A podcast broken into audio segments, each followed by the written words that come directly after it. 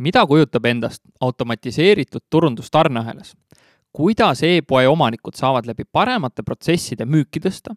miks valiti Hispaania turg ja kuidas Hispaania ettevõtjad ja tarbijad erinevad Eesti omadest? ja mis tüüpi ettevõtetele Hispaania turg üldse sobida võiks? mina olen Timo Porval digiagentuurist Lavi ja turunduslabor ekspordime osa number seitseteist on valmis ja alustab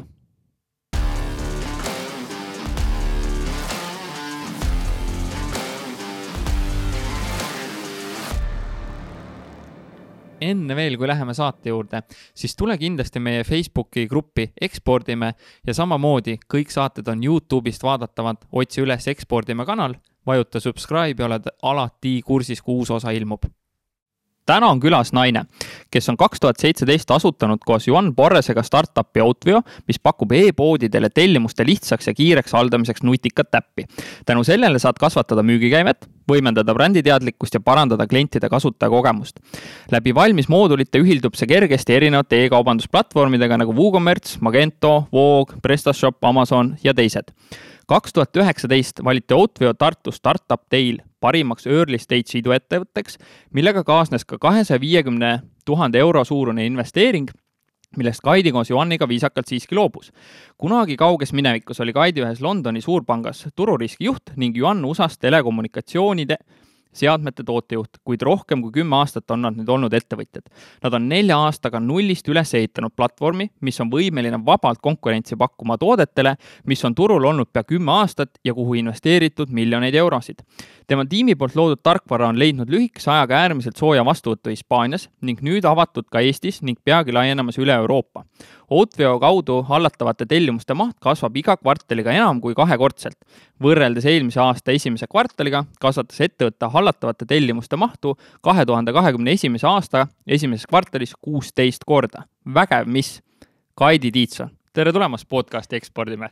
tere ja aitäh nii vägeva tutvustuse eest Õnneks oli internetis eh, täitsa materjali leida ja kokku panna ja sinu tiimiliikmed aitasid eh, ka mind selles tahad sa siia midagi täpsustada või parandada või lisada? Mm,? ei, ma arvan, kõik oli väga hästi, ma ise, ise ei julgekski kiita nii hästi ennast. See on selline, ma arvan, tüüpiline eestlane, et noh, mis nüüd ikka mina niimoodi, et te, teise kohta neid kiitvaid sõnu palju lihtsam öelda. Yeah.. ma alustame üldse sellest, miks selline teenus üldse sai asutatud ja kellele see siis peamiselt mõeldud on? Äh, ja no see sai asutatud sellepärast, et ühel hetkel äh, mina tegin iseendale ühe väikse e-poe ja see kõik oli hästi kerge äh,. hästi kerge oli leida omale kas Shopify või Wix või PrestaShop, lootsin omale e-poe, maksed on, valid, seal on kolmkümmend erinevat makselahendust, vali, ühenda ära aga siis ühel hetkel sa pead hakkama ka pakke välja saatma ja sel hetkel tekkis mul see küsimus, et okei okay,, kus see äpp nüüd on, et mis ma nüüd ühendan. aga ei, olnud ühtegi siukest nagu, mis, mis oleks siukene, mis teeks kogu seda peale müügiprotsessi. ja siis ähm, tekkis niisugune mõte, et äkki oleks vaja teha niisugune äpp ja siis noh, see e-pood on ju ammu unustatud, aga Audi on siin mm. -hmm. kui kiiresti sinu enda nägemust mööda mm. e-pood selle äpiga siis oma raha tegelikult äh, tagasi teenivad, kui nad panevad külge, mis probleemi see nende jaoks nagu peamiselt äh, ära lahendab mm,? Tegelikult Audio lahendab päris, päris mitmeid erinevaid probleeme juba sellest hetkest, et kui sa saad selle tellimuse, äh, sa saad seda hallata Audios, mitte näiteks kuskil Shopify's või kuskil, äh, mis on väga hea, kui näiteks sul on erinevad kanalid, kus sul tulevad tellimused, näiteks äkki sul tuleb ka Amazonist, äkki sul on mingi Shopify poed, pood, äkki sul on PrestaShopi oma, kõik tuleb ühte kokku, et sa saad kõike hallata ühes kohas. Nii et see võtab sealt juba peavalu vähemaks, siis see, see hetk, kui sa pead hakkama neid korjama laost, meil on äh, sihuke isegi mob, mob, äpp on mobiilne, et sa saad teha seda mobiilis, et sa ei pea printima ühtegi paberit äh,. või saad teha seda skänneriga näiteks, et ei oleks ühtegi viga. ja me natuke kopeerisime seda, mis Amazon teeb äh, näiteks oma selle picking ja packing flow's, et äh, näiteks äh, sel hetkel, kui sa hakkad pakkima oma neid äh, pakke Äh, väiksematel poodides ei ole nii oluline, aga suurematele on see suureks abiks, et sa saad teha, teha seda skänneriga, isegi see inimene, kes seda teeb, ta ei pea isegi vaatama, mis toodet ta võtab. et kui on näiteks niisugune tellimus, kus on ainult üks toode, ta skänneerib, võtab suvalise toote, skänneerib ära ja pakikaart tuleb välja ja ta isegi ei pea teadma, mis see, mis toode see on, kes see inimene on, kuhu see läheb. Äh, ja kui on rohkem tooteid, siis me kuvame ekraanil nagu suurelt pildi, et otsi nüüd niisugune toode, et äh, kogu see laoprotsess, me aitame teha seda kergemaks. ja siis võib, aga tegelikult võib-olla kõige olulisem tuleb hoopis peale seda sest äh, kui ähm, kui see tellimus äh, nüüd välja saata, siis me anname e-poodidele võimaluse kogu seda tracking ut ja kogu seda fulfillment flow'd mm, kliendile pakkuda oma brändina. mitte, et sa saadad kuhugi Omniva lehele mm -hmm. või Mhm. kuhugi DHL-i jälgima seda, vaid siin on oma poes, omal koos äh, Google Maps pika kaart äh, kuhu peale sa, sa kuvad selle, kus su pakk nüüd on täpselt Ju, juba sellest hetkest, kui sa saad selle tellimuse e-poodi, sest tavaliselt äh, äh, inimestel on alati, nagu mina olen Eestis tellinud paar korda ja siis ma ei saa ühtegi emaili kinnitust. Ja siis mõtlen, et oo, kas ma nüüd saatsin tühjusesse oma selle raha sinna? just, et äh, me, me aitame, me võimaldame kohe saata emaili, et meil on su tellimus käes, isegi kaardi peal juba kohe sellel hetkel näitame, et su tellimus on näiteks siin, ma ei tea, Paides kuskil, et on olemas, me saime selle kätte, see tuleb. Äh,. ja siis sa saad jälgida seda tellimuse teekonda, me ma laseme isegi panna oma bänneri sinna tracking lehele, et näiteks sul on äkki tulemas mingi allahindluste periood, et sa saad saata oma kliendid sinna ähm, noh, juba tagasi poodi, et noh, sest kui sul on soe klient, kes on juba ostnud, siis ta on väga aldis ostma uuesti, kui sa oskad talle natuke seda müüa uuesti ähm,. äh, ja siis äh, veel kolmas äh, äh, osa, mis me aitame parandada, on äh, see kliendi tugi e-poodidele sest noh, nagu ma mainisin, siis paljud äh, inimesed võtavad ühendust, et küsida, et kus mu tellimus on, et selle me nagu peaaegu nullime, sest inimesed teavad alati, kus on nende pakk äh,. me aitame teha äh, sihukest, noh, kuna Outfios on kõik tellimused ühes kohas, ükskõik mis kulleriga need on saadetud, siis kui sul helistab kellegi klient, klient, et kui mu pakk on ka kadunud, siis sa saad, siis klienditeenindaja saab minna kohe Outfiosse, vaadata kõik tellimused ühest kohast leida, kõik info on ühes kohas, et on hästi kerge anda seda tuge ostjatele. ja siis viimasena me aitame teha tagastusi.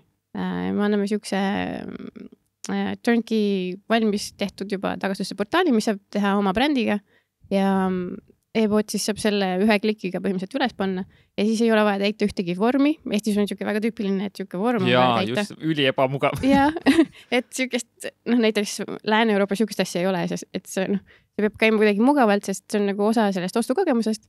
kui sul on e-pood, siis sa pead juba ootama, et tuleb tagasi, see on normaalne, see ei tähenda, et midagi on valesti, aga lihtsalt noh, ja kui see on mugav ostjatele, siis nad tulevad tagasi, alati just, et see tagastuse pool tõesti on ülioluline. mul elukaaslane just tellis Rootsist eh, mingid joogariided ja tulidki ikkagi nagu noh, vaatas, et ei, õigesti ei sobi ja siis ütles ka, et tead, et ma ei viitsi selle tagastusega mässama lihtsalt hakata. Sest jälle Jah. üliebamugav, aga kui tal Mhm. oleks see hea kogemus olnud, on ju, läbi nagu teie tegelikult pakute, ülimugavalt eh, saatnud tagasi, oleks järgmine kord jälle tegelikult olnud fänn valmis. ja just, siis on väga-väga kerge on saada see püsiklient oma niimoodi, et kui sul kõik on kerge, kõik on mugav, siis ja ja nagu on see kakskümmend, kaheksakümmend reegel on ju et, et kaheksakümmend protsenti suurte e-poodide kogu käibest tuleb just korduvklientidelt, et, et on väga oluline, et hoida neid kliente tagasi tulemas. Just igati nõus sinuga, et kui sa korra juba kliendi usalduse võidad, no siis on edasi kõik sealt Jah. kogu turunduse müük nagu kordades lihtsam. kuidas te seda Amazoni oskasite kopeerida niimoodi? Aa, sellepärast, et äh, kuna me alustasime Hispaanias üldse turule tulemisega ja siis, kui me olime seal, siis oli seal võimalik teha niisugune, Amazon korraldab tuure oma seal fulfillment center'is, mis on väga põnev, sest neil on kõik äh, robotid seal, aga seal on mõned inimesed ka ja, ja nad teevad selle tuuri, näitavad sulle, kuidas nad- teevad seda ja see oli nagu väga-väga põnev. ja me saime väga häid ideid sealt, et äh, noh, kuidas aidata tavalisi poode opereerima, muidugi mitte täpselt nagu Amazon, aga, aga see väga noh, sihuke tähtis väikene nišš nagu, mis teha samamoodi. sest tegelikult ju ülioluline on, et tänapäeval e-pood oleks, kogu aeg jälgiks, mida Amazon tegelikult teeb, sest Amazon, ma saan aru, võtab kogu maailma järjest lihtsalt jupp Jah. jupi kaupa üle ju. jah, järjest võtab. Ja muidugi Eestis on natukene, ei ole seda Amazoni efekti, et sellepärast siin ongi natukene niisugune, natukene võib-olla on maha jäänud sellest Lääne-Euroopa siukesest kil-, noh, teeninduse tasemest just nagu see, et kui kiire on see tarne, kuhu, kuidas, et see on tasuta enamasti ikkagi ka koju, mitte ainult pakiautomaati ja tagasi, et et, et see on kõik Amazoni, see on kõik tänu Amazonile, et nemad selle alustasid ja nüüd on see standard. Jah, Mihkel Moosel, kes siin podcast'is käis, ütles ka, et noh, tema arvab, et viie aasta pärast on Eestis see Amazon Prime kohal, nii et tegelikult tuleb kogu aeg valmis olla ja liigutada ennast jah, jah, ma väga loodan, et see on siin tarbijana, aga, aga see suvi vist pidi juba tulema. Zalando, mis on üks äh, Saksamaa hästi suur äh, moekaubomaja ja noh, nemad teevad ka korralikult ikka asju, et tasub jälgida mm. -hmm. sa mainisid ka veel seda, et eh, panna, teil on võimalik panna siis eh, kliendil bänner peale, seda, kui see ost mm -hmm. on siis tehtud. kuidas teie kliendid on seda ära siis kasutanud ja kuidas see nende nagu müügile töötab, mis laadi bännerit nad panna, kui sa tead? ma, meil on päris palju kliente, ma ei ole kõiki nagu niimoodi ükshaaval jälginud, aga meil on mõned, kes saadavad äh, kliendid omale äh, sellele lehele, kus nad saavad teha oma äh, kliendikaardi või nagu tullagi püsikliendiks Äh, siis äh, nad vahetavad selle ära, kui neil on tulemas see äh, allahindluste periood, et või no kui neil on, et meil on siin sales, mine vaata, et äkki siit saad veel midagi um,. ja võib-olla midagi, võib-olla uute toote tutvustusi ma olen ka näinud, et kui neil on midagi uut, et, et anda sellest teada oma klientidele. see on ülinutikas lahendus, sest ma mõtlen ise tarbijana, siis tavaliselt öeldakse, et tellimus on täitmisele saadetud ja see ja niimoodi ja siis, mind jäetakse sinna. siis on kõik. jah mis on eh, peamine funktsioon, mille üle teil eh, kliendid kõige rohkem eh, rõõmustavad ja tagasisidet andnud on um,? no äh, me ise arvasime, kui me seda tegime, et kogu see laohaldus ja see, kogu see füüsiline paki käitlemise pool saab olema kõige nagu see, mis aitab kõige rohkem. ja muidugi see, see ka kõigile väga meeldib, aga kõige rohkem kiidetakse just seda, et, et me aitame teha seda kliendi tuge ja seda marketingi poolt ja seda, just seda brändingut, et jätta see bränd meelde paremini oma kliendile. et kuna äh, audios on kõik need äh, tellimused ja saadetised ühes kohas, siis äh, äh, e-poodide kliendi toel on väga palju kergem leida kogu infot, mis, mis on juhtunud, võib-olla äkki on midagi valesti läinud äh,. see säästab väga palju klienditoa aega ja pluss see, et saab automatiseerida tagastused, tähendab, et äh, kogu see mure kaob täitsa ära klienditeeninduse jaoks et äh, väga palju on just öeldud, et äh, kliendi, klienditeeninduse see ajamaht on kukkunud, ma ei tea, isegi kaheksakümmend protsenti. et äh, noh, sest kõik saab automatiseerida ära ja kõik on ühes kohas meeletu aja kokkuhoid ja selle ajaga saab ju teha siis mida iganes, turundust paremini või uusi tooteid otsida. müüa rohkem. müüa rohkem, just. aega õigesse kohta. Eh, ma lugesin ühest artiklist sellist eh, toredat väljendit nagu automatiseeritud turundus tarneahelas. räägiksid sa selle mulle ja kuulajale rohkem lahti, mis see tähendab teie puhul ehm,? no üks, üks osa ongi see, et sul, kui sa lähed tracking lehele, siis sul on see bänner. Äh, me võimaldame saata ka emaile äh, teatud, äh, noh, tavaliselt saadab kuller emaili või teavituse, et kui su tellimus on nüüd kuskil tehtud korje või kui ta hakkab nüüd jõudma kohale. me võimaldame e-poodidel saata ise neid emaile. Olenevalt siis, mis, mis kulleri ütleb, et mis on juhtunud äh,. aga nad saavad seda teha jällegi oma brändiga äh,. meil on äh, kohe tulemas niisugune feature välja, et me võimaldame jälgida, milline, millise tellimuse tarne on olnud nagu super hea, mis on läinud õigel ajal kohale ja siis sa saad saata neile inimestele emaili näiteks küsida, et ähm, äkki sa tahad jätta meile hea reitingu, sest kõik oli vägev mm. -hmm. sest kui inimesel äh, läheb tarnega midagi sassi, näiteks ta ootab seda, ma ei tea, kolmapäevaks, aga see tuleb nädal hiljem, siis ükskõik kui hea see toode on, siis tal on niisugune kibe maitse suhte ja sa ei taha tema käest küsida reiting, noh seda, mis see ongi eesti keeles? tagasiside. tagasisidet, just yeah. seda punkt, noh, sest ta võib jätta natukene, jah, oli hea küll, aga ei tulnud õigel ajal kohale. et äh, näiteks see, et me saame, meie saame jälgida seda automaatselt, kas äh, oli hea kogemus või mitte ja siis küsid seda õigel hetkel kliendi käest mm. -hmm. E, mille pärast üldse see Hispaania turg ja kuidas see turu valimine käis, et e, jällegi ei tea väga palju Eesti startup'e, kes oleks hakanud Hispaania turust pihta? E, ja no äh, Outfio kaasasutaja on hispaanlane, nii et see oli kerge valik, sest Eesti on nii väikene äh,. Hispaania on nelikümmend korda suurem ja, ja neil on seal Amazon, mis tähendab, et see turg on hästi e, e-kaubandusturg on palju arenenum ja see oli jah, see ei olnudki nagu väga valik, see oli nagu selge, et me peame seda tegema seal. jah, et Eestis, Eestis oleks see toode olnud hoopis teine, nagu mitte nii hea. ja Hispaanias neid teisi e-poode peale Amazoni jagub ja nendel läheb endiselt nagu hästi, isegi Amazoni kõrval. Hispaanias? jah. jaa, seal on tohutult, ma arvan, et kui tuleb Amazon näiteks kasvõi Eestisse, et see ei, see ei muuda nagu seda mitmekesisust vähemaks, aga see muudab kvaliteeti paremaks lihtsalt. et Hispaanias minu meelest kõik ostavad internetis, nagu isegi vanemad ja vanaisad mm. -hmm. kõik, kõik tellivad sealt, et Eestis on see natuke keerulisem ja siis inimesed nii palju, minul on niisugune tunne, et nii palju ei osteta veel, et on palju ruumi veel arendada ja Hispaania isegi ei ole kõige eesotsas, on ju, Inglismaa ja Saksamaa ja Prantsusmaa on veel, veel rohkem. et äh, see e-kaubanduse noh, areng on veel eespool mis selle Hispaania turu osas sellised äh, peamised üllatused olid, kui neid oli mm.?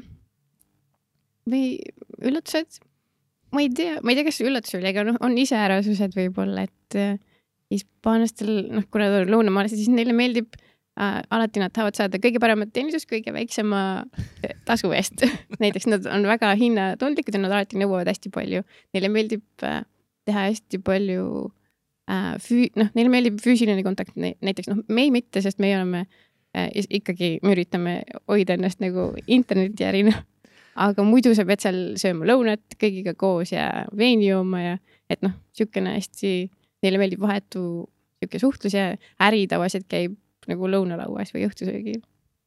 et sellise või... digiturundusega seal, kui palju seal ära teha annab selles mõttes? no turg on hästi suur ja selles mõttes annab, aga, aga noh, me peame ka neid vahest harima, sest mõnikord nad kirjutavad meile Äh, keegi tuleb uus klient ja siis ta kirjutab meile pika, pika emaili sellest, et kuidas ta elu läheb ja kõik midagi siukest, nad tahavad nii palju suhelda.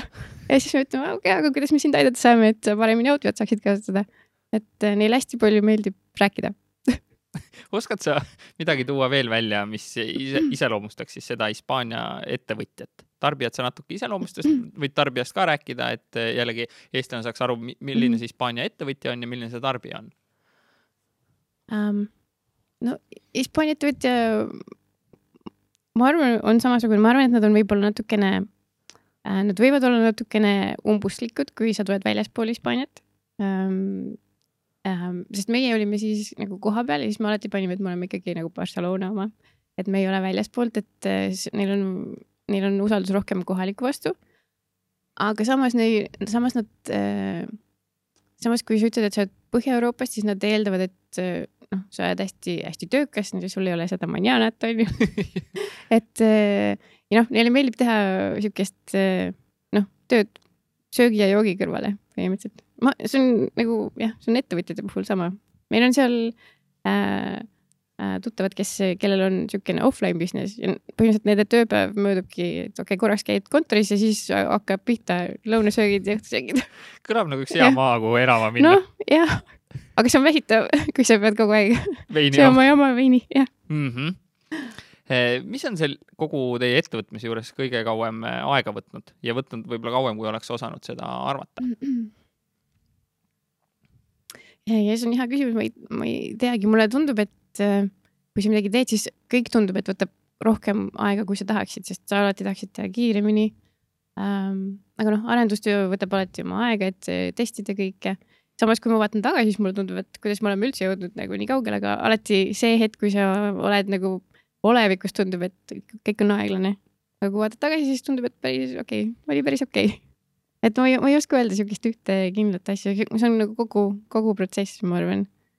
kui suure mm. tiimiga te alguses pihta hakkasite ähm,? alguses me olime kahekesi kaasasutajaga, pluss äh, meil oli abiks kaks, alguses jah, alguses üks ja siis kaks arendajat ja teie rollid äh, asutajatena olid alguses mis äh,? müük ja marketing ja noh äh,, toote defineerimine, kogu see UX, UI arendus nagu defineerimine, disain, disain, tootedisain, jah mm. -hmm kui sa oleksid äh, vastutav täna näiteks, töötaksid EAS-is ja peaksid Eesti ettevõtted Hispaania turule viima, siis millist tüüpi ettevõtted need võiks olla, kellele see Hispaania turg võiks sobida üldse mm.? see on veidi keeruline küsimus, ma arvan, et äh, äh, Hispaania on hästi suur turg ja seal on hästi palju nišše, kus võib pakkuda väga erinevaid teenuseid, nagu näiteks ma mõtlen, et äh, äh, moekaubad kindlasti, noh, kindlasti oleks seal edukad, kui sa oskad seda äh, turundada hästi ähm,. ma arvan, kõik, tegelikult kõik siuksed tarbekaubad, mis on võib-olla mis ei ole nagu võib-olla isegi noh, okei okay,, esmatarbekaubad alati, aga isegi siuksed hispaanlastele väga meeldib osta asju. no iga kord, kui nad lähevad kellegi külla ja nad lähevad kogu aeg kellelegi külla, kui ei ole Covid siis nad peavad tooma midagi kaasa, nad tarbivad hästi palju igasuguseid äh,, igasugust mõttetut asja isegi nagu ja noh, kõik siuksed nipsasjakesed, ma arvan, lähevad seal väga hästi kaubaks, mood, ma arvan, et neile äh,, seal on kindlasti osa äh,, osa kogukonnast, kellele väga sümpatiseerib niisugune Põhjamaa, Nordic niisugune disain um,. No muidugi ma arvan, et igasugused digitaalsed lahendused, mis arvatavasti me suudame võib-olla Eestis arendada paremini, ma arvan, et äh, neid saab hästi müüa seal Hispaanias. kuidas sa, olles nüüd ise seal Hispaania turul eh, pikalt eh, toimetanud, siis eh, kuidas kogu sealne digiturunduse tase võrreldes Eestiga on, et noh, see e-poodide puhul noh, kogu Amazon on muidugi seda tõstnud, aga kuidas, kuidas sa ise hindad seda um,. Ja no ma hindan, et äh, e-kaubanduse puhul on nad väga palju Eestist ees, aga ma arvan, et me jõuame järgi kiiresti, nagu alati mm? -hmm. um,. ja samas jälle noh, loomulikult äh, kogu siukene noh, mis on ju noh, kõigile teada, et see digi äh, suhtlus riigiga on, seal on peaaegu null, et Eestis on nii väga kerge elada, väga kerge on ajada äri, seal on kõik ikkagi paberimajandus um,.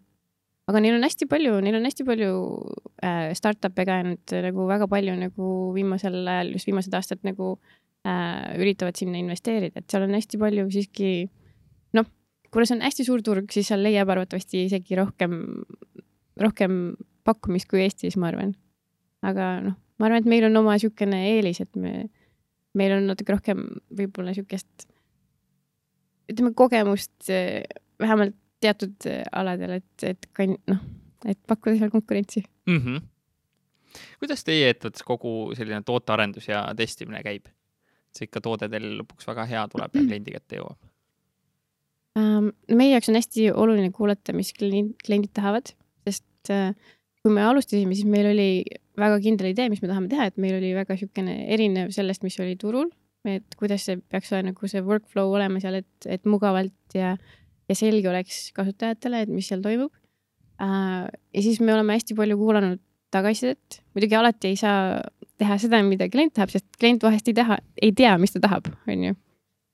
nagu see kuulus Henry Ford, kes ütles, et kui tema äh, oleks küsinud inimesed, mis nad tahavad, siis nad oleks tahtnud rohkem hobuseid käru ette, onju, et mm -hmm. Mhm. mitte autot ehitada um,. et ja meie jaoks on hästi oluline kuulata, mis äh, kliendid tahavad vaadata, kuidas see ühildub meie tulevikuvisiooniga, sest meil on omal väga kindlad plaanid, mis me tahame edaspidi teha um,.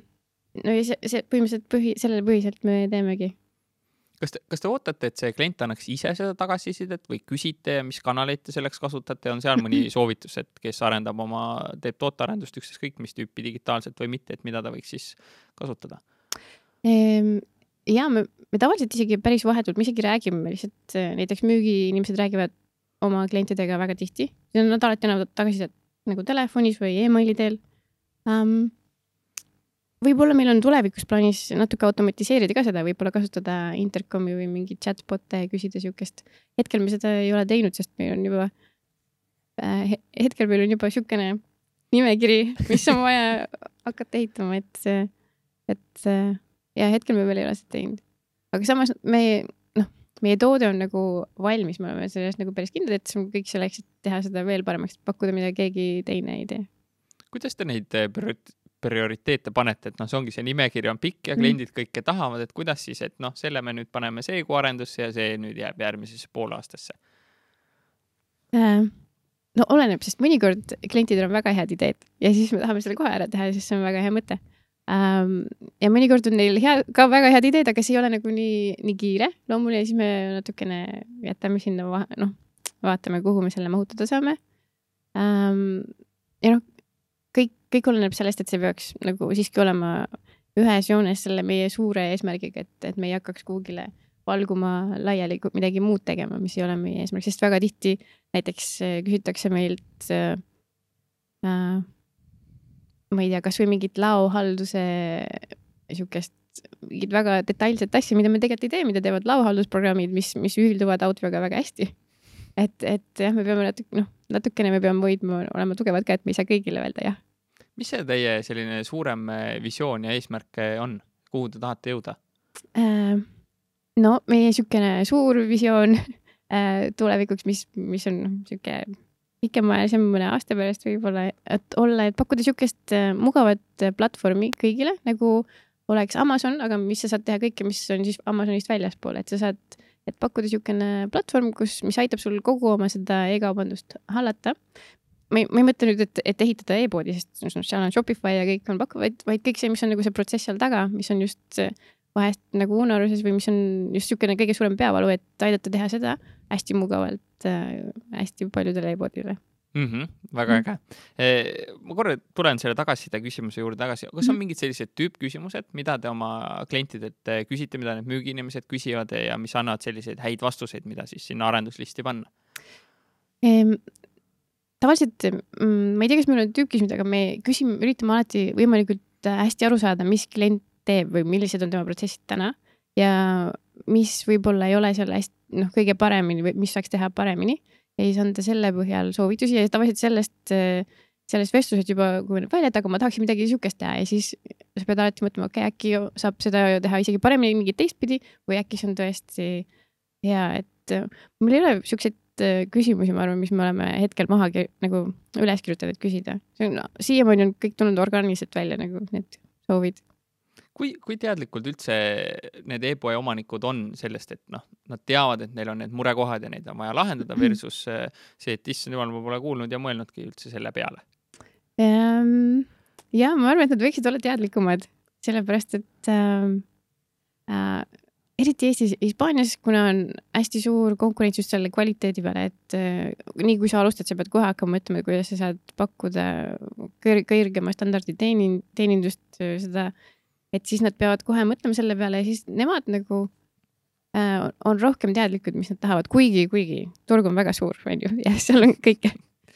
aga, aga Eestis ja Eestis ähm, ähm,, Eestis nad tihti ei, noh, ei teagi, et pealemüüki saab ka teha marketingi, et pealemüüki on võimalus hoida klienti ja nagu hoida teda oma brändi küljest kogu aeg meelde tuletada, sa ostsid meie poe eest ja meie, me, me hoolime sinu pakist ja siin sa näed, kus see on ja me saame, et nad väga tihti ei mõelda selle peale, mis juhtub pä- pärast müüki. aga nagu me enne rääkisime, siis mõned suuremad juba täna on sellele mõtlema õnneks Eestis hakanud ja juba jah. teavad, nii et varsti Just. tuleb jälle tuleb teistel siis eh, tegelikult kaasa ju joosta, et ega seal muud varianti ei ole, muidu jälle need suured lähevad eest ära. just, ja noh, nii kui klient eh, saab aimu sellest, et on midagi paremat, siis ta hakkab seda nõudma, Mm -hmm. jah. Kui sa peaksid natuke mõtestama, mis see kõrgem eh, standard on, mida seal, mida see inimene ootab, mis see, mis see nagu tähendab ja mida see Eesti e-poe omanik samamoodi võiks siis sisse viia endale? Ähm, ja no ma võin äkki rääkida lihtsalt oma kogemuse põhjal äh, shoppe ära internetis sellepärast, et äh, äh, millal see oli, umbes, me läksime vist Hispaaniasse viis aastat tagasi, kui ma läksin sinna. ja enne seda ma ei, ei ostnud palju internetist Eestis, sellepärast et kuidagi oli mugavam alati minna poodi, noh, päris poodi või siis, kui sa läksid e-poodi, siis midagi oli ikka, et ma ei tea, kas see nüüd tuleb või on see päris või kuidas see toimib. ja ma läksin Hispaaniasse, see oli, kõik oli nii kerge, sa lähed, sul on hästi selge, hästi selge, tavaliselt on hästi selge kasutajaliides, sa saad, on kerge osta, sul on kogu info olemas, et eh, tellimused sellest summast on tasuta, noh, tellimuse kohale toimetamine ja see summa ei ole nelisada eurot või kuuskümmend, vaid see on tavaliselt kuskil kakskümmend viis, kolmkümmend eurot. Et see on hästi kerge see protsess ja- tavaliselt pakid tuuakse kohale kakskümmend neli tundi, nagu järgmiseks päevaks on see kohal, kui sul on Amazon, kes toob sulle samal päeval. Eestis nagu see on kogemus on natuke valulikum, et äh, selleks ajaks, kui ma olen siin tellinud mõned asjad, siis ma juba unustan ära, et ma olen tellinud need, kui nad jõuavad kohale, sellepärast et äh, võtab liiga kaua aega, et see jõuaks kohale ähm,. ja väga tihti ma ei saa ka teadet, et ma olen üldse ostnud midagi, siis ma pean mõtlema, et kas see tellimus jõudis kohale või läks kuhugi sinna internetiavardusse kaduma ja pead võtma ühendust klienditeenindusega, et kogu see kogemus peaks olema sihuke hästi sujuv ja et, et klient on kogu aeg hoitud. et ta ei, et ta ei peaks mõtlema, et kas on kõik korras ja et, et ta ei unustaks ära, mida on tellinud, enne kui ta selle kätte saab, see on väga tähtis, et kiiresti kätte saada. see on väga hea point just, et kui ma olen ära unustanud, mis pakk mul pakiautomaat tulnud on, siis tõenäoliselt e-pood liiga pikalt ikkagi sa Jah. saadad seda pakki ja. siis mõtled, et sa ei tahagi seda äkki enam, siis võid selle nagu tagasi saata, sest tavaliselt väga palju inimesed ostavad siukse emotsiooni ajal ja see emotsioon ei kesta seitse päeva, võib-olla see kestab paar päeva, aga seitse päeva on pikk aeg. ja siis mõtled, ah okei okay,, ma võib-olla teen selle rahaga midagi muud, ma saadan selle tagasi nüüd. et äh, jah, ja psühholoogias on tegelikult niimoodi, et kui inimene ostu ära teinud on, siis tuleb see nagu ostujärgne Jah. hirm on ju ja siis, kui mul on veel teadmatus, siis mul ongi oo midagi on väga halvasti on ju. jah, just. Kas Hispaanias on see tarnevõrgustik ka arenenum, kogu see kullervõrgustik, ma ei tea, kas seal pakiautomaate on mm., ei ole? et kas Eestis mm. me saame tegelikult, kui sa nüüd täna e-poe püsti paneks ja selle enda tarkvara kasutusele võtaks, kas oleks võimalik saata, ma ei tea, peame poodi Türilt ja saada, saadan ühe päevaga nii Saaremaale kui, kui Valgasse näiteks? ja ma arvan, et on võimalik, peab lihtsalt võtma selle õige toote, kullerit, mis läheb kiiresti kohale Äh, Eestis väga tihti ma näen ka, et äh, see tarneaeg läheb pikemaks selle tõttu, et laost ei saa kaup välja, mitte et kuller isegi oleks nii aeglane. Äh, Hispaanias näiteks pakiautomaate mina ei näinud kunagi keegi ei kasuta neid, kõik tahavad seda koju saada, sest kõik on harjunud, see on tasuta, et tuleb koju sulle. kui sa tahad, siis sa võid selle suunata kuhugi pick-up point'i, aga, aga väga paljud ei kasuta seda ma isegi Amazon, äh, ma tean, äh, proovis seal vahepeal juurutada seda, et pick-up point'i, et nad panid mm, ostukeskustesse neid pakiautomaate. aga see noh, ja nad alguses nagu promosid seda ja siis see kuidagi vajus ära, sellepärast et inimesed noh, kui sa oled harjunud, et sa oled kodus ja saad selle kätte või, või sa tellid omale töö juurde näiteks, siis, siis sa ei taha rohkem minna sinna pakiautomaati. et jah, see võib-olla on äh, peamine erinevus, ma arvan, et noh, Hispaanias on palju rohkem kullereid muidugi, sest see on suurem turg, aga ma arvan, et Eestis tegelikult sa, saab hästi hakkama kullerid, et kui, kui kasutada õiget teenust ja kui ise saad kauba välja oma laost õigel ajal. sest mina, kui ma mõtlen jälle ennast kui tarbijat, siis peamine põhjus, miks mulle see kuller ei meeldi, on see, et me tuleme vahemikus kell üheksa kuni kell seitseteist. Null null, no sorry et eh, kuidas seda probleemi, ma ei tea, lahendada või kas lihtsalt see ongi Eesti täna kullerite tase või lihtsalt on kasutatud eh, valesid ettevõtteid mm.? ja ma ei, ma ei oskagi seda öelda, ma ei ole jah, see on hea küsimus, ma ei ole tähele pannud, kes, kes, kes, sest minu meelest ma olen, mõnel kulleril on võimalik, et sa tekitad sinna kahetunnise vahemiku mm -hmm. või midagi, kui ma nüüd ei eksi um, et Tallinnas on see veel okei okay,, kui ma tellin yeah. siit Tallinnast, aga kui ma tellin, ongi maakodusse Türile, siis juba noh, ongi, et me millalgi tuleme sinna, aga noh. jah, jah, no oleneb kulleritest. nüüd, kui sa mainid seda väljaspool Tallinnat, siis jah, mul tuleb meelde, et on, on paar, kellega on probleemi, et nad noh, lähevadki nii nagu jõuavad, et äh, ja no äh, Hispaanias tavaliselt sulle saadetakse sõnum, et sellel keelevahemikul ja tavaliselt see on küllaltki nagu täpselt, võib-olla tunniajane äh, vahemik et jah, arvatavasti see on midagi, mis saaks paremini teha. tund, see oleks mm -hmm. ideaalne, siis ma saan oma ja. muud elu planeerida. kas sa oskad siin Eestis, julged sa mõnda sellist kullerettevõtet soovitada, kes seda kullerteenust väga hästi teeb, keda te näete enda süsteemis tõesti, et kaubad on alati õigel ajal kohal ja um...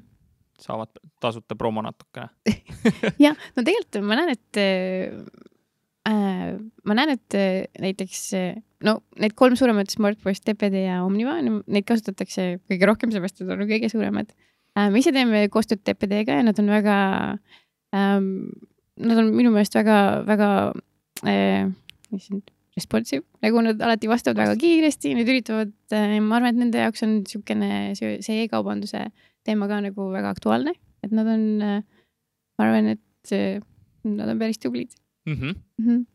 TPD võid, juurde võite pöörduda eh, mis turundustegevusi te teete, et endale siis eh, liitujaid juurde saada siis enne ja peale Covidit, kui jagame selle aja nagu kaheks? ja no tegelikult meil ei olnud vahet väga, sest me tegime sama asja et eh, kuna me alustasime Hispaanias, siis seal Google see äh, otsingute see volüüm on hästi suur ja seda, seda on hästi mugav kasutada, sest sealt tuleb päris palju liide, sellepärast et äh, inimesed otsivad seda, oskavad otsida ja nad teavad, et on, on võimalik lahendustega seda paremaks muuta. Äh, et Hispaania turul me oleme kasutanud väga palju seda. Äh, Eesti turul see otsingureklaamid nii hästi ei tööta, seepärast võib-olla on see ka meie äh, natuke selles kinni, et meiesugust teenust ei ole Eestis ja siis ei osata seda väga otsida. siin me oleme kasutanud display ads'e näiteks. ja noh, muidugi. Mainisin enne ka otsemüüki, et teha ise cold calling ut ähm, ja pakkuda. ja on see selles mõttes ära tasunud, et nüüd müügiinimene teenib nii enda palga kui siis ilusti ettevõttele? kindlasti. ja, ja mõlemad äh, siis äh, nii Eestis kui Hispaanias on seda otsemüüki tehtud mm, -hmm. olete teinud? ja just äh,, me alustasime täiesti puhtalt äh, nagu Google Adsi, noh muidugi sotsiaalmeediaga, aga nüüd viimasel ajal jah, me oleme teinud otsemüüki ja ja, ja see töötab väga hästi, sellepärast et äh, otsemüüki saad teha suurematele klientidele, kes tulevad suure volüümiga ja, ja noh, muidugi sa saad, Google Ads'is saad palju rohkem, aga nad on palju väiksemad, et see kompenseerib, et nad on suured mm. -hmm. kas on mingid turunduskanalid, mida te olete katsetanud ja proovinud ja no vaatate, no pagan ei tööta ehm,? no Eestis võib-olla need Google Search Ads'id ongi siuksed, mis nagu peaks töötama palju paremini, aga ei, ei ei tööta võib-olla nii hästi, just sellepärast, et inimesed ei, ei julge otsida eesti keeles siukseid väljendeid või ei oska seda um,. samas Eestis on hästi, väga hästi töötanud Facebook ads'id ja Instagram, sest mul on tunne, et kõik Eesti inimesed on seal, seal. mitte Google'is jah, just huvitav üldse, ma lihtsalt hakkasin ise praegu mõtlema, et millist märksõna ma üldse otsiks, kui ma hakkaks otsima sellist lahendust, mida, mida Hispaanias te sihite, milliseid mm -hmm. märksõnu, mis need eesti keeles olla võiksid? Ja no Hispaanias me siime hispaaniakeelset sõnumist, eh, põhimõtteliselt eesti keeles tähendaks eh, e-, e-poe saadetised või e-poe tellimuste haldamine või ähm, jah, põhimõtteliselt sealtkaudu, et põhimõtteliselt, et, eh, et kõik, mis on seotud jah, tellimuste haldamisega, tellimuste saatmisega, pakikaartide printimisega, kuigi tegelikult me teeme nii palju muud, pakikaartide printimine on ainult üks väikene osa aga see on noh, hea koht, see on niisugune selge sõna, mida inimesed otsivad, sest äh, nad ei oska otsida, et uh, kuidas ma saan oma brändi paremini tutvustada peale müüki ja, ja muud niimoodi. just. mis teil turunduse to do listis on, äh, mille katsetamiseni pole veel jõudnud mm,? väga palju. nagu sest, näiteks? jaa uh, me tahame näiteks proovida LinkedIn'i, me oleme seda kunagi proovinud, aga see oli võib-olla mitte kõige paremini korraldatud, LinkedIn on kallis ja siis seda tahad teha korralikult ähm,. mis veel nagu offline meediat tahaksime proovida päris varsti, et teha ka nagu, ma ei teagi, kasvõi Eestis väga hästi töötab, ma arvan, ka raadio ja telereklaam, sest, sest kui sul on väiksem publik, siis on kergem nende kõigini jõuda.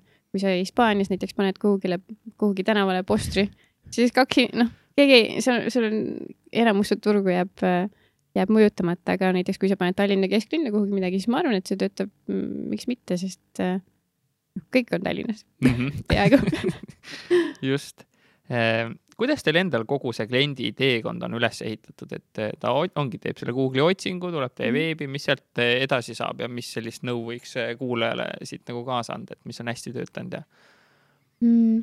no me üritame ta, talle pakkuda niisugust informatsiooni, mis ta paneb, vajutame sellele sign up nupule. Eh, kui ta seda teeb, siis me juba äh, kohe selles protsessis, kui ta teeb omale selle sign up'i, küsime talt paar niisugust küsimust, mis aitab meil juba enamuse tema kontost äh, ette seadistada, et me küsime, kuskohast ta saab neid tellimusi, mis on ta e-poe URL ja siis me küsime natuke infot ka, et kui suur ta pood on, et me teaksime, mis Äh, kuidas läheneda müügimeeskonnal, sest alati peale, kui on see sign up tehtud, siis me võtame ühendust isiklikult äh, telefoni teel äh,, küsime, et kuidas me saame aidata. Um, et see protsess jah, et kui sa teed sign up'i, et siis me küsime kohe küsimusi, see on meil olnud algusest peale ja ma arvan, et see töötab väga hästi. kuigi loomulikult äh, mõned inimesed jätavad selle pooleli, selle sign up'i siis, sest äh, mida raskem, noh, mida keerulisem see on ja ütleme, see on keerulisem on vastata küsimustele kui mitte vastata aga samas see on nagu filter, et, et kui sa, kui sa noh, isegi nii palju ei, ei, ei taha seda teha ja kuna see on äriklient, siis, siis tähendab, et sa tegelikult võib-olla ei ole nii huvitatud, et siis äkki ei olegi vaja nagu raisata aega mm. -hmm. kui tihti selle seadistamisega hätta jäädakse üldse? palju seda tuge seal vaja on, et selle uue asja kasutusele võtta ehm,? oleneb, sest põhimõtteliselt väiksemad poed, nad saavad teha kõik Äh, ise. meil on väga tihti on juht, et enne veel, kui inimesed vaatavad, et kuidas seda ikkagi on seadistada, sest enamus meil on näiteks kulleri seadistamine, et paned lihtsalt oma salasõna ja kasutanime, kõik. Ja noh, äh, kui tahad, siis paned oma hinnad sinna. Äh, ja et näiteks öelda Shopify, siis sa pead tegema, meil on sihuke stepper, mis ma ei tea, on, on paar, paar sammu ainult ja enne veel, kui nad tegema hakkavad, nad tulevad, et ma ei oska seda teha ja siis, siis meil keegi, et okei okay,, teeme siis kõne ja ma näitan ja siis, kui sa hakkad näitama, siis nad, aa oota, see on nii kerge, et ma siis teen ise ära lihtsalt käehoidmist vaja natuke. jah, et nad eeldavad, et on keeruline, sest võib-olla nad on harjunud, et on keeruline, aga siis nad tulevad ja siis ei olegi nii keeruline. samas suuremad poed tihti vajavad natuke rohkem abi, sest neil on omal kindlad protsessid, neil on võib-olla laohaldusprogrammid, millega see peab ühilduma, võib-olla raamatupidamisprogrammiga et, et siis me saame natuke rohkem aidata. mis samme selles protsessis ise kõige rohkem eh, lihvinud eh, olete mis kõige paremini võib-olla paika loksus, võib-olla alguses mõtlesite, et teeme nii ja siis vaatasite, et oi, et see ikka ei tööta nii um,? ma ei tea, mulle tundub, et on nii palju asju juhtunud, et ma ei, ma ei oska nagu ühtegi uh, sihukest uh, välja mõelda um,. ma ei tea, me oleme nagu vaikselt päris sujuvalt niimoodi kogu aeg üritanud minna selle vooluga õiges suunas kaasa, et uh, mul ei ole sihukest ühtegi sihukest näidet, aga samas ma tean, et meil on väga palju, mis me tahame veel paremaks teha, et uh, mul on sihuke tunne, et me ei ole veel valmis, et ma ei saa nagu veel kiita ka ennast mm. -hmm palju teil seal Hispaania turul selliseid analoogseid eh, konkurente on ja kuidas te nendest eh, eristute siis ja uh,? Hispaania turul uh, on siuksed uh, on siukseid äppe, mis lihtsalt on siuksed hästi väiksed pluginid, mis aitavad sul printida pakikaarte ainult kulleriga, et sa ei pea ise tegema ühendust.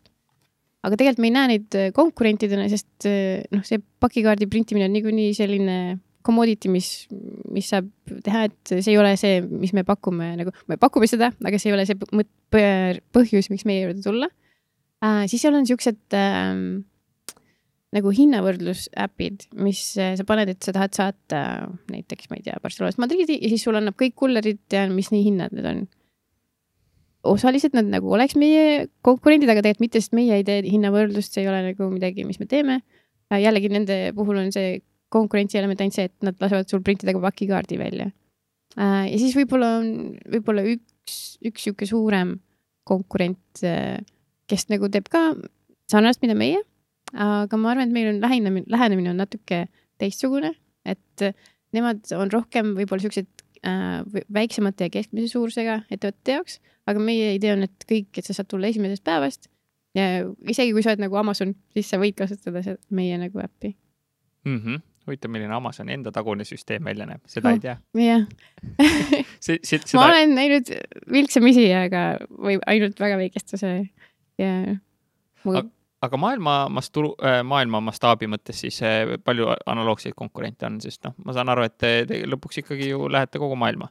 ja ähm,, äh, ja selles mõttes on siukseid äppe, mis teevad äh, kas osaliselt, tavaliselt jah, osaliselt seda, mis meie teeme um,. ja neil läheb kõigil väga hästi, mis on väga positiivne, sellepärast see tähendab, et nõudlust on uh, väga palju um,.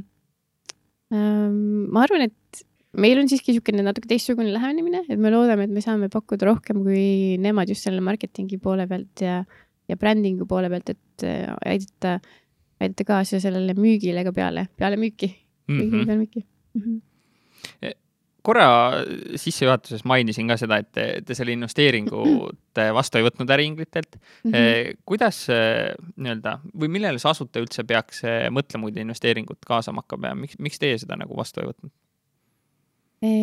ja no seda investeeringut me ei võtnud, sellepärast et see tuli niisuguste tingimustega, mis meie jaoks oli ähm,, mis ei olnud äh, võib-olla, mis on see sõna, võib-olla. õiglased? jah õiglased. see ei tundnudki tegelikult nagu investeering, vaid see oli rohkem nagu laenutingimustel, mis ei olnud nagu päris see. pluss ähm, ma arvan, et väga tähtis on see, et kui äh, keegi pakub sulle investeeringut, sul on see tunne, et sa tunned nagu, räägid esimesest päevast ja tunned, et okei okay,, see inimene nagu saab aru, kuhu, mis me soovime teha. et, et sul on sihuke, ma ei tea, see võib olla siukene, mida ei oskagi defineerida, et sul on tunne, et see on õige inimene, kellega sa saad teha, seepärast et kui sa lihtsalt äh, võtad investeeringu kellelgi, kellega sa mm, võib-olla, kellega su eesmärgid ei ühti või kes nõuab või kes ei saa võib-olla päris hästi aru, mida sa teed, siis ta võib sult nõuda asju, mis ei, tunduvad lühiajaliselt, et, et need on nagu õige tee, aga tegelikult nagu pikas plaanis ei ole. et kui sa hakkad optimeerima lühiajalistele eesmärkidele, siis pikas plaanis sa ei saa, saa jõuda sinna, kuhu sul on vaja mm. -hmm mis on teil Outview juures olnud sellised kõige keerulisemad kohad kogu selle teekonna juures ja kuidas nendest äh, üle saite mm.? ettevõtja elu ei ole tavaliselt sirgjooneliselt ülesse jah uh,, ma ei tea, no jah, ma arvan, kõik ettevõtjad teavad, et mõnikord on sul lihtsalt siuksed hetked, et sa mõtled, et nagu miks, miks ma seda teen ja miks ma lihtsalt ei lähe kuhugi kontorisse üheksast viieni uh, ma ei tea, on igasuguseid hetki, et kui sul võib-olla keegi peaarendaja ütleb, et ta peab minema kuhugi teise projekti või midagi, kui sul tundub, et keegi, kes on nagu hästi vajalik sinu ettevõttes, peab lahkuma. aga samas nagu kogemus õpetab, et nagu kui sa ise oled seal, siis mitte keegi ei ole tähtsam kui sina ise ja kui sa ise nagu oled nagu ennast kindel ja sa muudkui, muudkui jätkad seda, siis, siis noh, see ongi kõige tähtsam mingeid soovitusi sellised äh, kahe peale äritegemist ka, mida kaasa anda, kellel on ka äripartner, kellega koos siis asju teha? Äh, no ma arvan, et on väga hea, kui sa tunned seda inimest väga pikka aega äh, ja võib-olla on hea alustada väiksemast projektist ja siis võib-olla liikuda suurema peale, sellepärast et isegi kui sa tunned äh, kedagi sõbrana, siis sa ei tea, kuidas ta on tegelikult äripartnerina ähm, sest see on väga-väga teistsugune väga teistsugune suhe. et, et sa pead olema kindel, et, et ta, ta ei, ei kao kuhugi ära, et ta suudab nagu sellele pingele vastu pidada, et kui on, et siis, kui on head ajad, on head ajad, aga kui ei ole head ajad, et, et sa tead, et sa võid nagu loota ja mitte keegi ei, ei anna alla ja keegi ei nagu, ei hüppa, hüppa maha. kuidas sa ise kogu sellele, kui on olnud pingelised päevad, vastu oled pidanud ja seda nii-öelda stressi maandanud ettevõtjana?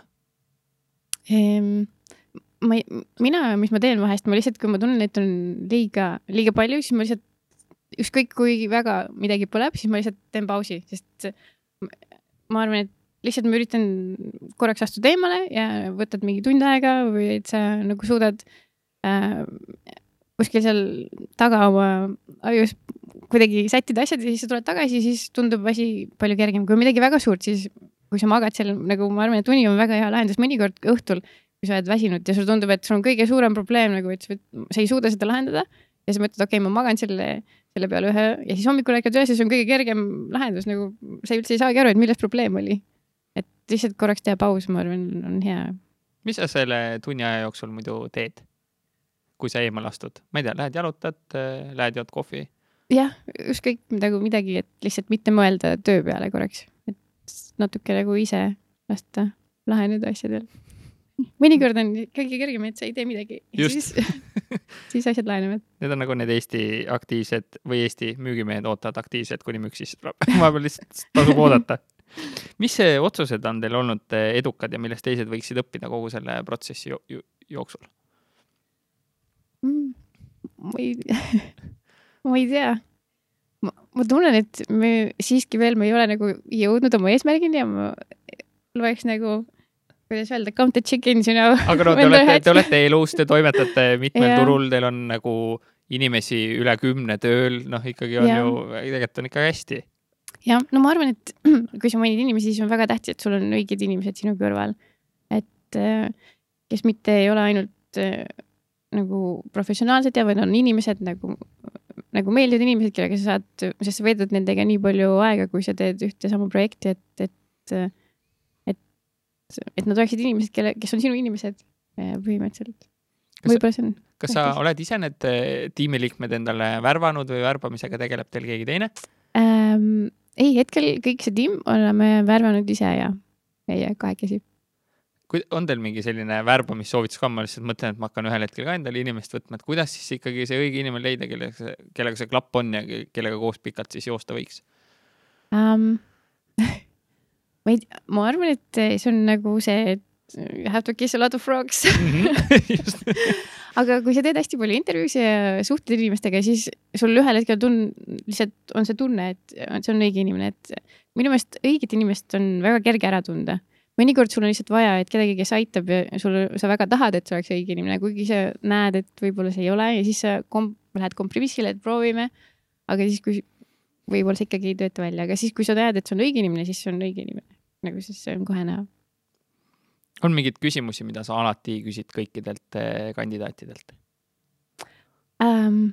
Ja tegelikult äh, äh, nüüd me teeme seda värbamist noh, kogu tiimiga või vähemalt osalise tiimiga, sest me oleme nii palju juba, et me kõik, kõik ei jõua intervjueerida kõiki äh,. noh, me küsime alati muidugi olulisi küsimusi selle töö kohta, selle eriala kohta, aga mis me alati küsime ka, on näiteks, et äh, äh mis, mis loom nad oleksid, kui nad oleksid loom sellepärast et äh, sealt tuleb väga, väga toredaid vastuseid vahest ja väga noh, see annab nagu sa näed inimese sisse, et mis, mis ta nagu mõtleks. näiteks minu jaoks on see väga raske küsimus, mina nagu ma olen alati mõelnud, et ma ei oska sellele vastata ja siis meil tuli üks kandidaat, ütles, et ma oleksin inimene ja siis ma ütlesin jah, ma oleksin ka inimene just, jälle kastist välja mõtlemine aga tõesti hästi hea küsimus, sest selle peale inimene saabki nagu rääkida mm, -hmm. see mhm. võtab kuidagi pingeid maha, onju.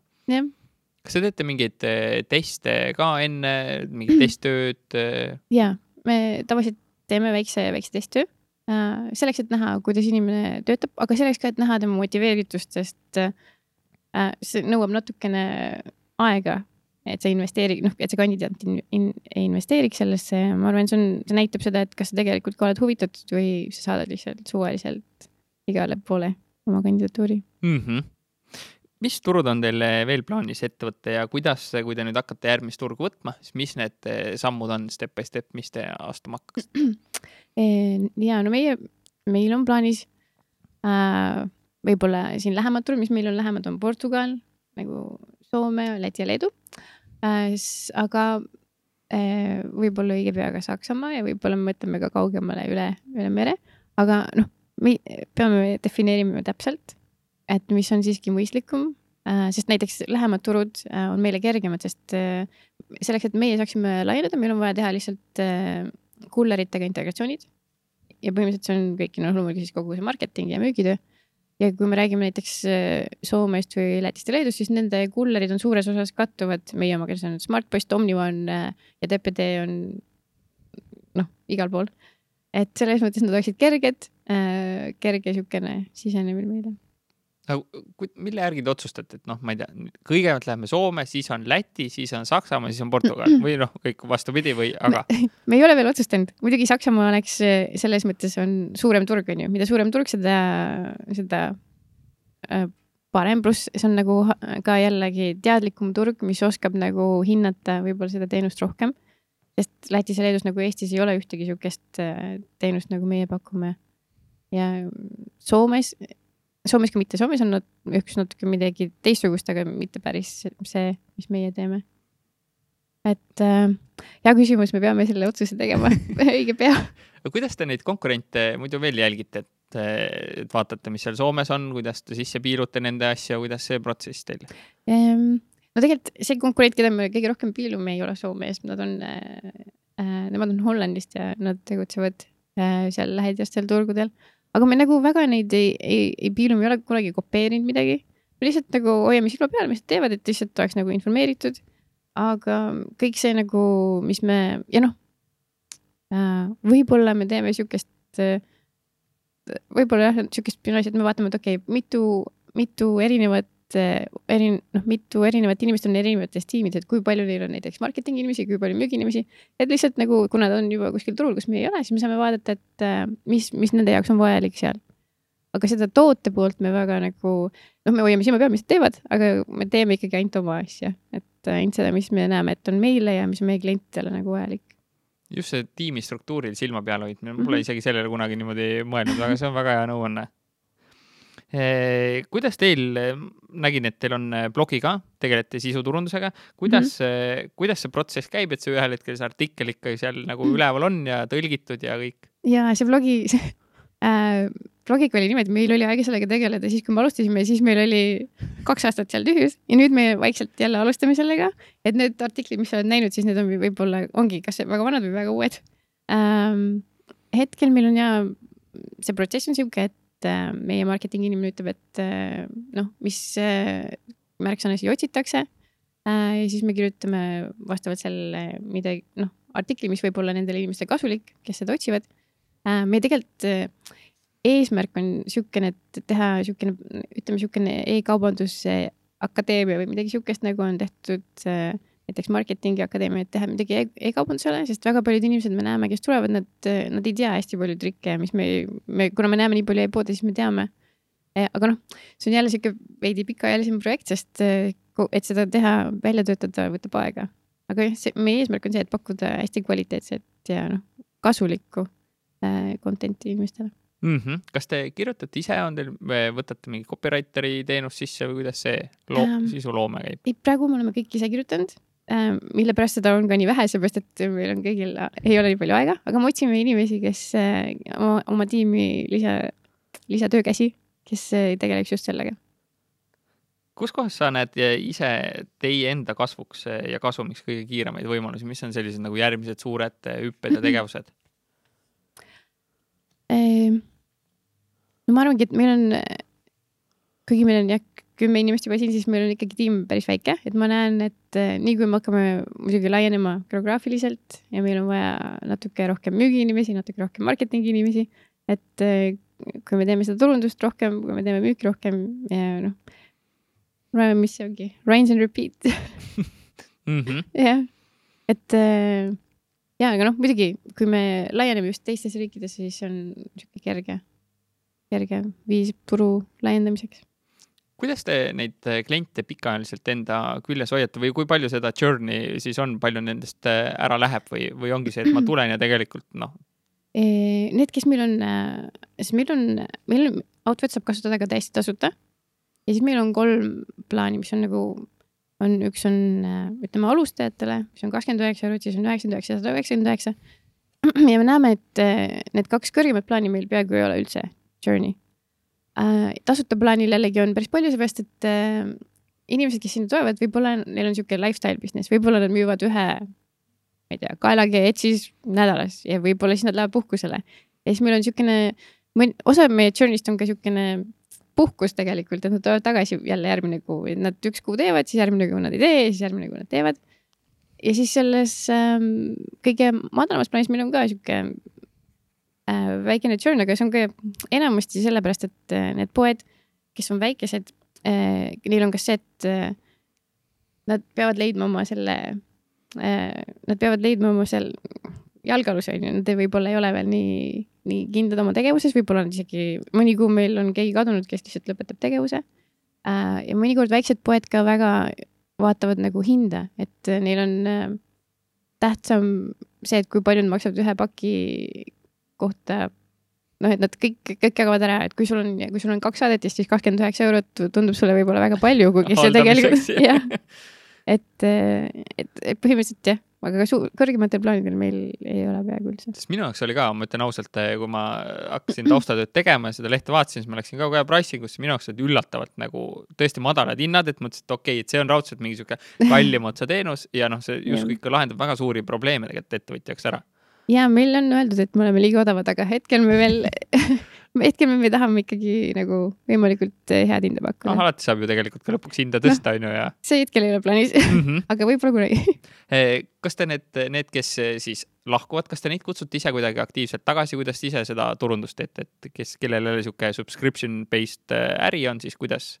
Ehm, ja no me üritame, kui on niisugune, ütleme selle tasulisele madalama plaani klient, siis me mõnikord üritame nendega kontakti saada, uurida, mis nendega juhtus, et lihtsalt ka endal on hea teada, et miks inimesed lähevad ära ehm,. siis ähm, muidugi meil on remarketing ad'id, millega me natukene jälitame inimesi näiteks.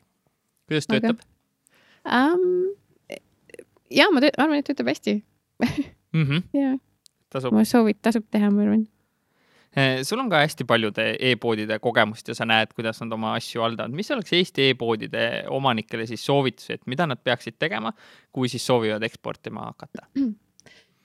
ja no kui, kui nad soovivad eksportida näiteks Lääne-Euroopasse, siis kindlasti on see kasutaja, äh, see ostukogemus, ma arvan, peab olema niisugune hästi mugav, et äh, see, esiteks see kasutajaliides, kui sa lähed e-poodi, siis peaks olema niisugune, et sa saad Äh, väga kergesti osta, et sul on kerge lisada ostukorvi omal seda toodet, et sul on kõik äh, makse, makselahendused, mis sealt tahetakse, sellepärast et äh, neid noh, pangalingiga peaaegu keegi ei maksa Lääne-Euroopas onju mm. -hmm.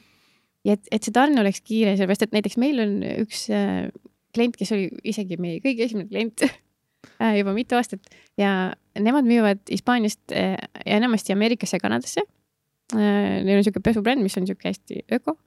Ja seal on neil suur turg. Ja alguses nad ka kahtlesid ja siis nad hakkasid kasutama Outfit ja peale esimest kuud nad ütlesid, et oh,, et, et neil on äh, inimesed, kes tellivad äh, esmaspäeval ja said paki kätte kolmapäeval, nad neljapäeval tellivad juba uuesti, sellepärast et need, nad olid lihtsalt nii amazed, et mulle tuleb Hispaaniast pakk New Yorki kätte kahe päevaga. Ja siis kogu, muidugi kogu nende sõpruskond ja kõik olid sellest informeeritud. et, et see on hästi tähtis, et saada kiiresti pakk kätte, et mõeldakse küll, et, et mis, mis seal ikka, aga, aga tegelikult see on nagu, see on nagu, see ei ole ainult postikulu, see on marketingikulu, see on nagu turunduskulu tegelikult, et, et anda head sihukest teenust midagi veel e-poe omanikele soovitada? mm.. ainult ja tagastused peaks olema. selge, peaks olema selge, kuidas saab tagastada ja et see peaks olema kerge ja et äh, kui inimene saab teha seda ise automaatselt äh, läbi tagastusportaali näiteks, mida meie ka pakume, siis ma arvan, et äh, see on, see annab kindlust äh, ostjatele, et nad võivad seda ostu sooritada ja kui midagi ei sobi, siis nad saavad seda tagastada, et, et sihuke kindlustunne on väga oluline. eriti kui sa tellid kuskilt äh, välismaalt ja sa ei tea, mis võib juhtuda. mm. -hmm. on siia lõppu sul endal veel midagi lisada, oleks ma pidanud küsima midagi, mille kohta sa tegelikult oleks tahtnud äh, rääkida, midagi hingele panna? Ehm, ma ei tea, ei, ma arvan, et sa küsid väga hästi väga head küsimused. Äh, aga kui kuulaja nüüd tahab äh, teie kohta rohkem uurida, sinu kohta, Outveo kohta, siis kuskohast ta seda teha saab? Ehm, ja ma arvan, et kõige mugavam on minna meie kodulehele outveo.com, on O-T-V-I-O jah, päris keeruline nimi, algus mul ka keel ikka täitsa Jaa. väändus. ja, aga see on nagu out, inglise keeles out nagu OUT ja siis Vio, sellepärast et äh, ma ei teagi, kuidas see tuli, aga hispaania keeles äh, saadetis on Envio ja võib-olla sealt lõpust kuidagi, kes seda mäletab, Mhm. audio jah. pluss, kui sa seda vaatad, siis on niisugune ilus äh, sümmeetriline natukene nimi, sellepärast ka meil sai niisugune, ja domeen tõenäoliselt oli ka vaba, siis Mhm. jälle see on ka oluline tegelikult. just. aga kuule, Kaidi, tõesti suured tänud, et sa podcast'i tulid, oma kogemusi jagasid ja ma loodan, et te siis vallutate Outveoga kogu maailma. aitäh, oli väga meeldiv olla siin. tänud, et sa oled selle podcast'i lõpuni kuulanud. enne kui sa ära lähed, kui sa tahad korralikult läbimõeldud veebilehte, mis aitab äh, sul müüki kasvatada ja oleks siis heaks eelduseks, kui sa tahad minna välisturgudele või sul on mõni muu turundusalane väljakutse, siis äh, mine lavi.ee ja vaata, võib-olla saame sulle abiks olla. samuti, kui sul on vaja kvaliteetset sisu, olgu see siis video, olgu see siis heli ja nõuga, kuidas siis seda levitada, et oma klientidele väärtust luua ja jälgijaskonda kasvatada, siis maratonstuudios.ee on kindlasti see koht, mida uurida ja kuskohast alustada. olen Ahti ja Markoga väga palju koostööd teinud, teinud erinevaid projekte ja seesama podcast Ekspordime, mida sa kuulad, on siinsamas Maraton stuudio sees salvestatud. Ja julgen neid mehi nagu tõsiselt soovitada. Ja miks, on see, et nad on profid, nad hoolivad sinust, nad teevad asja hingega ja noh, sellist eh, komplekti või kokteili kohtab ikka väga-väga harva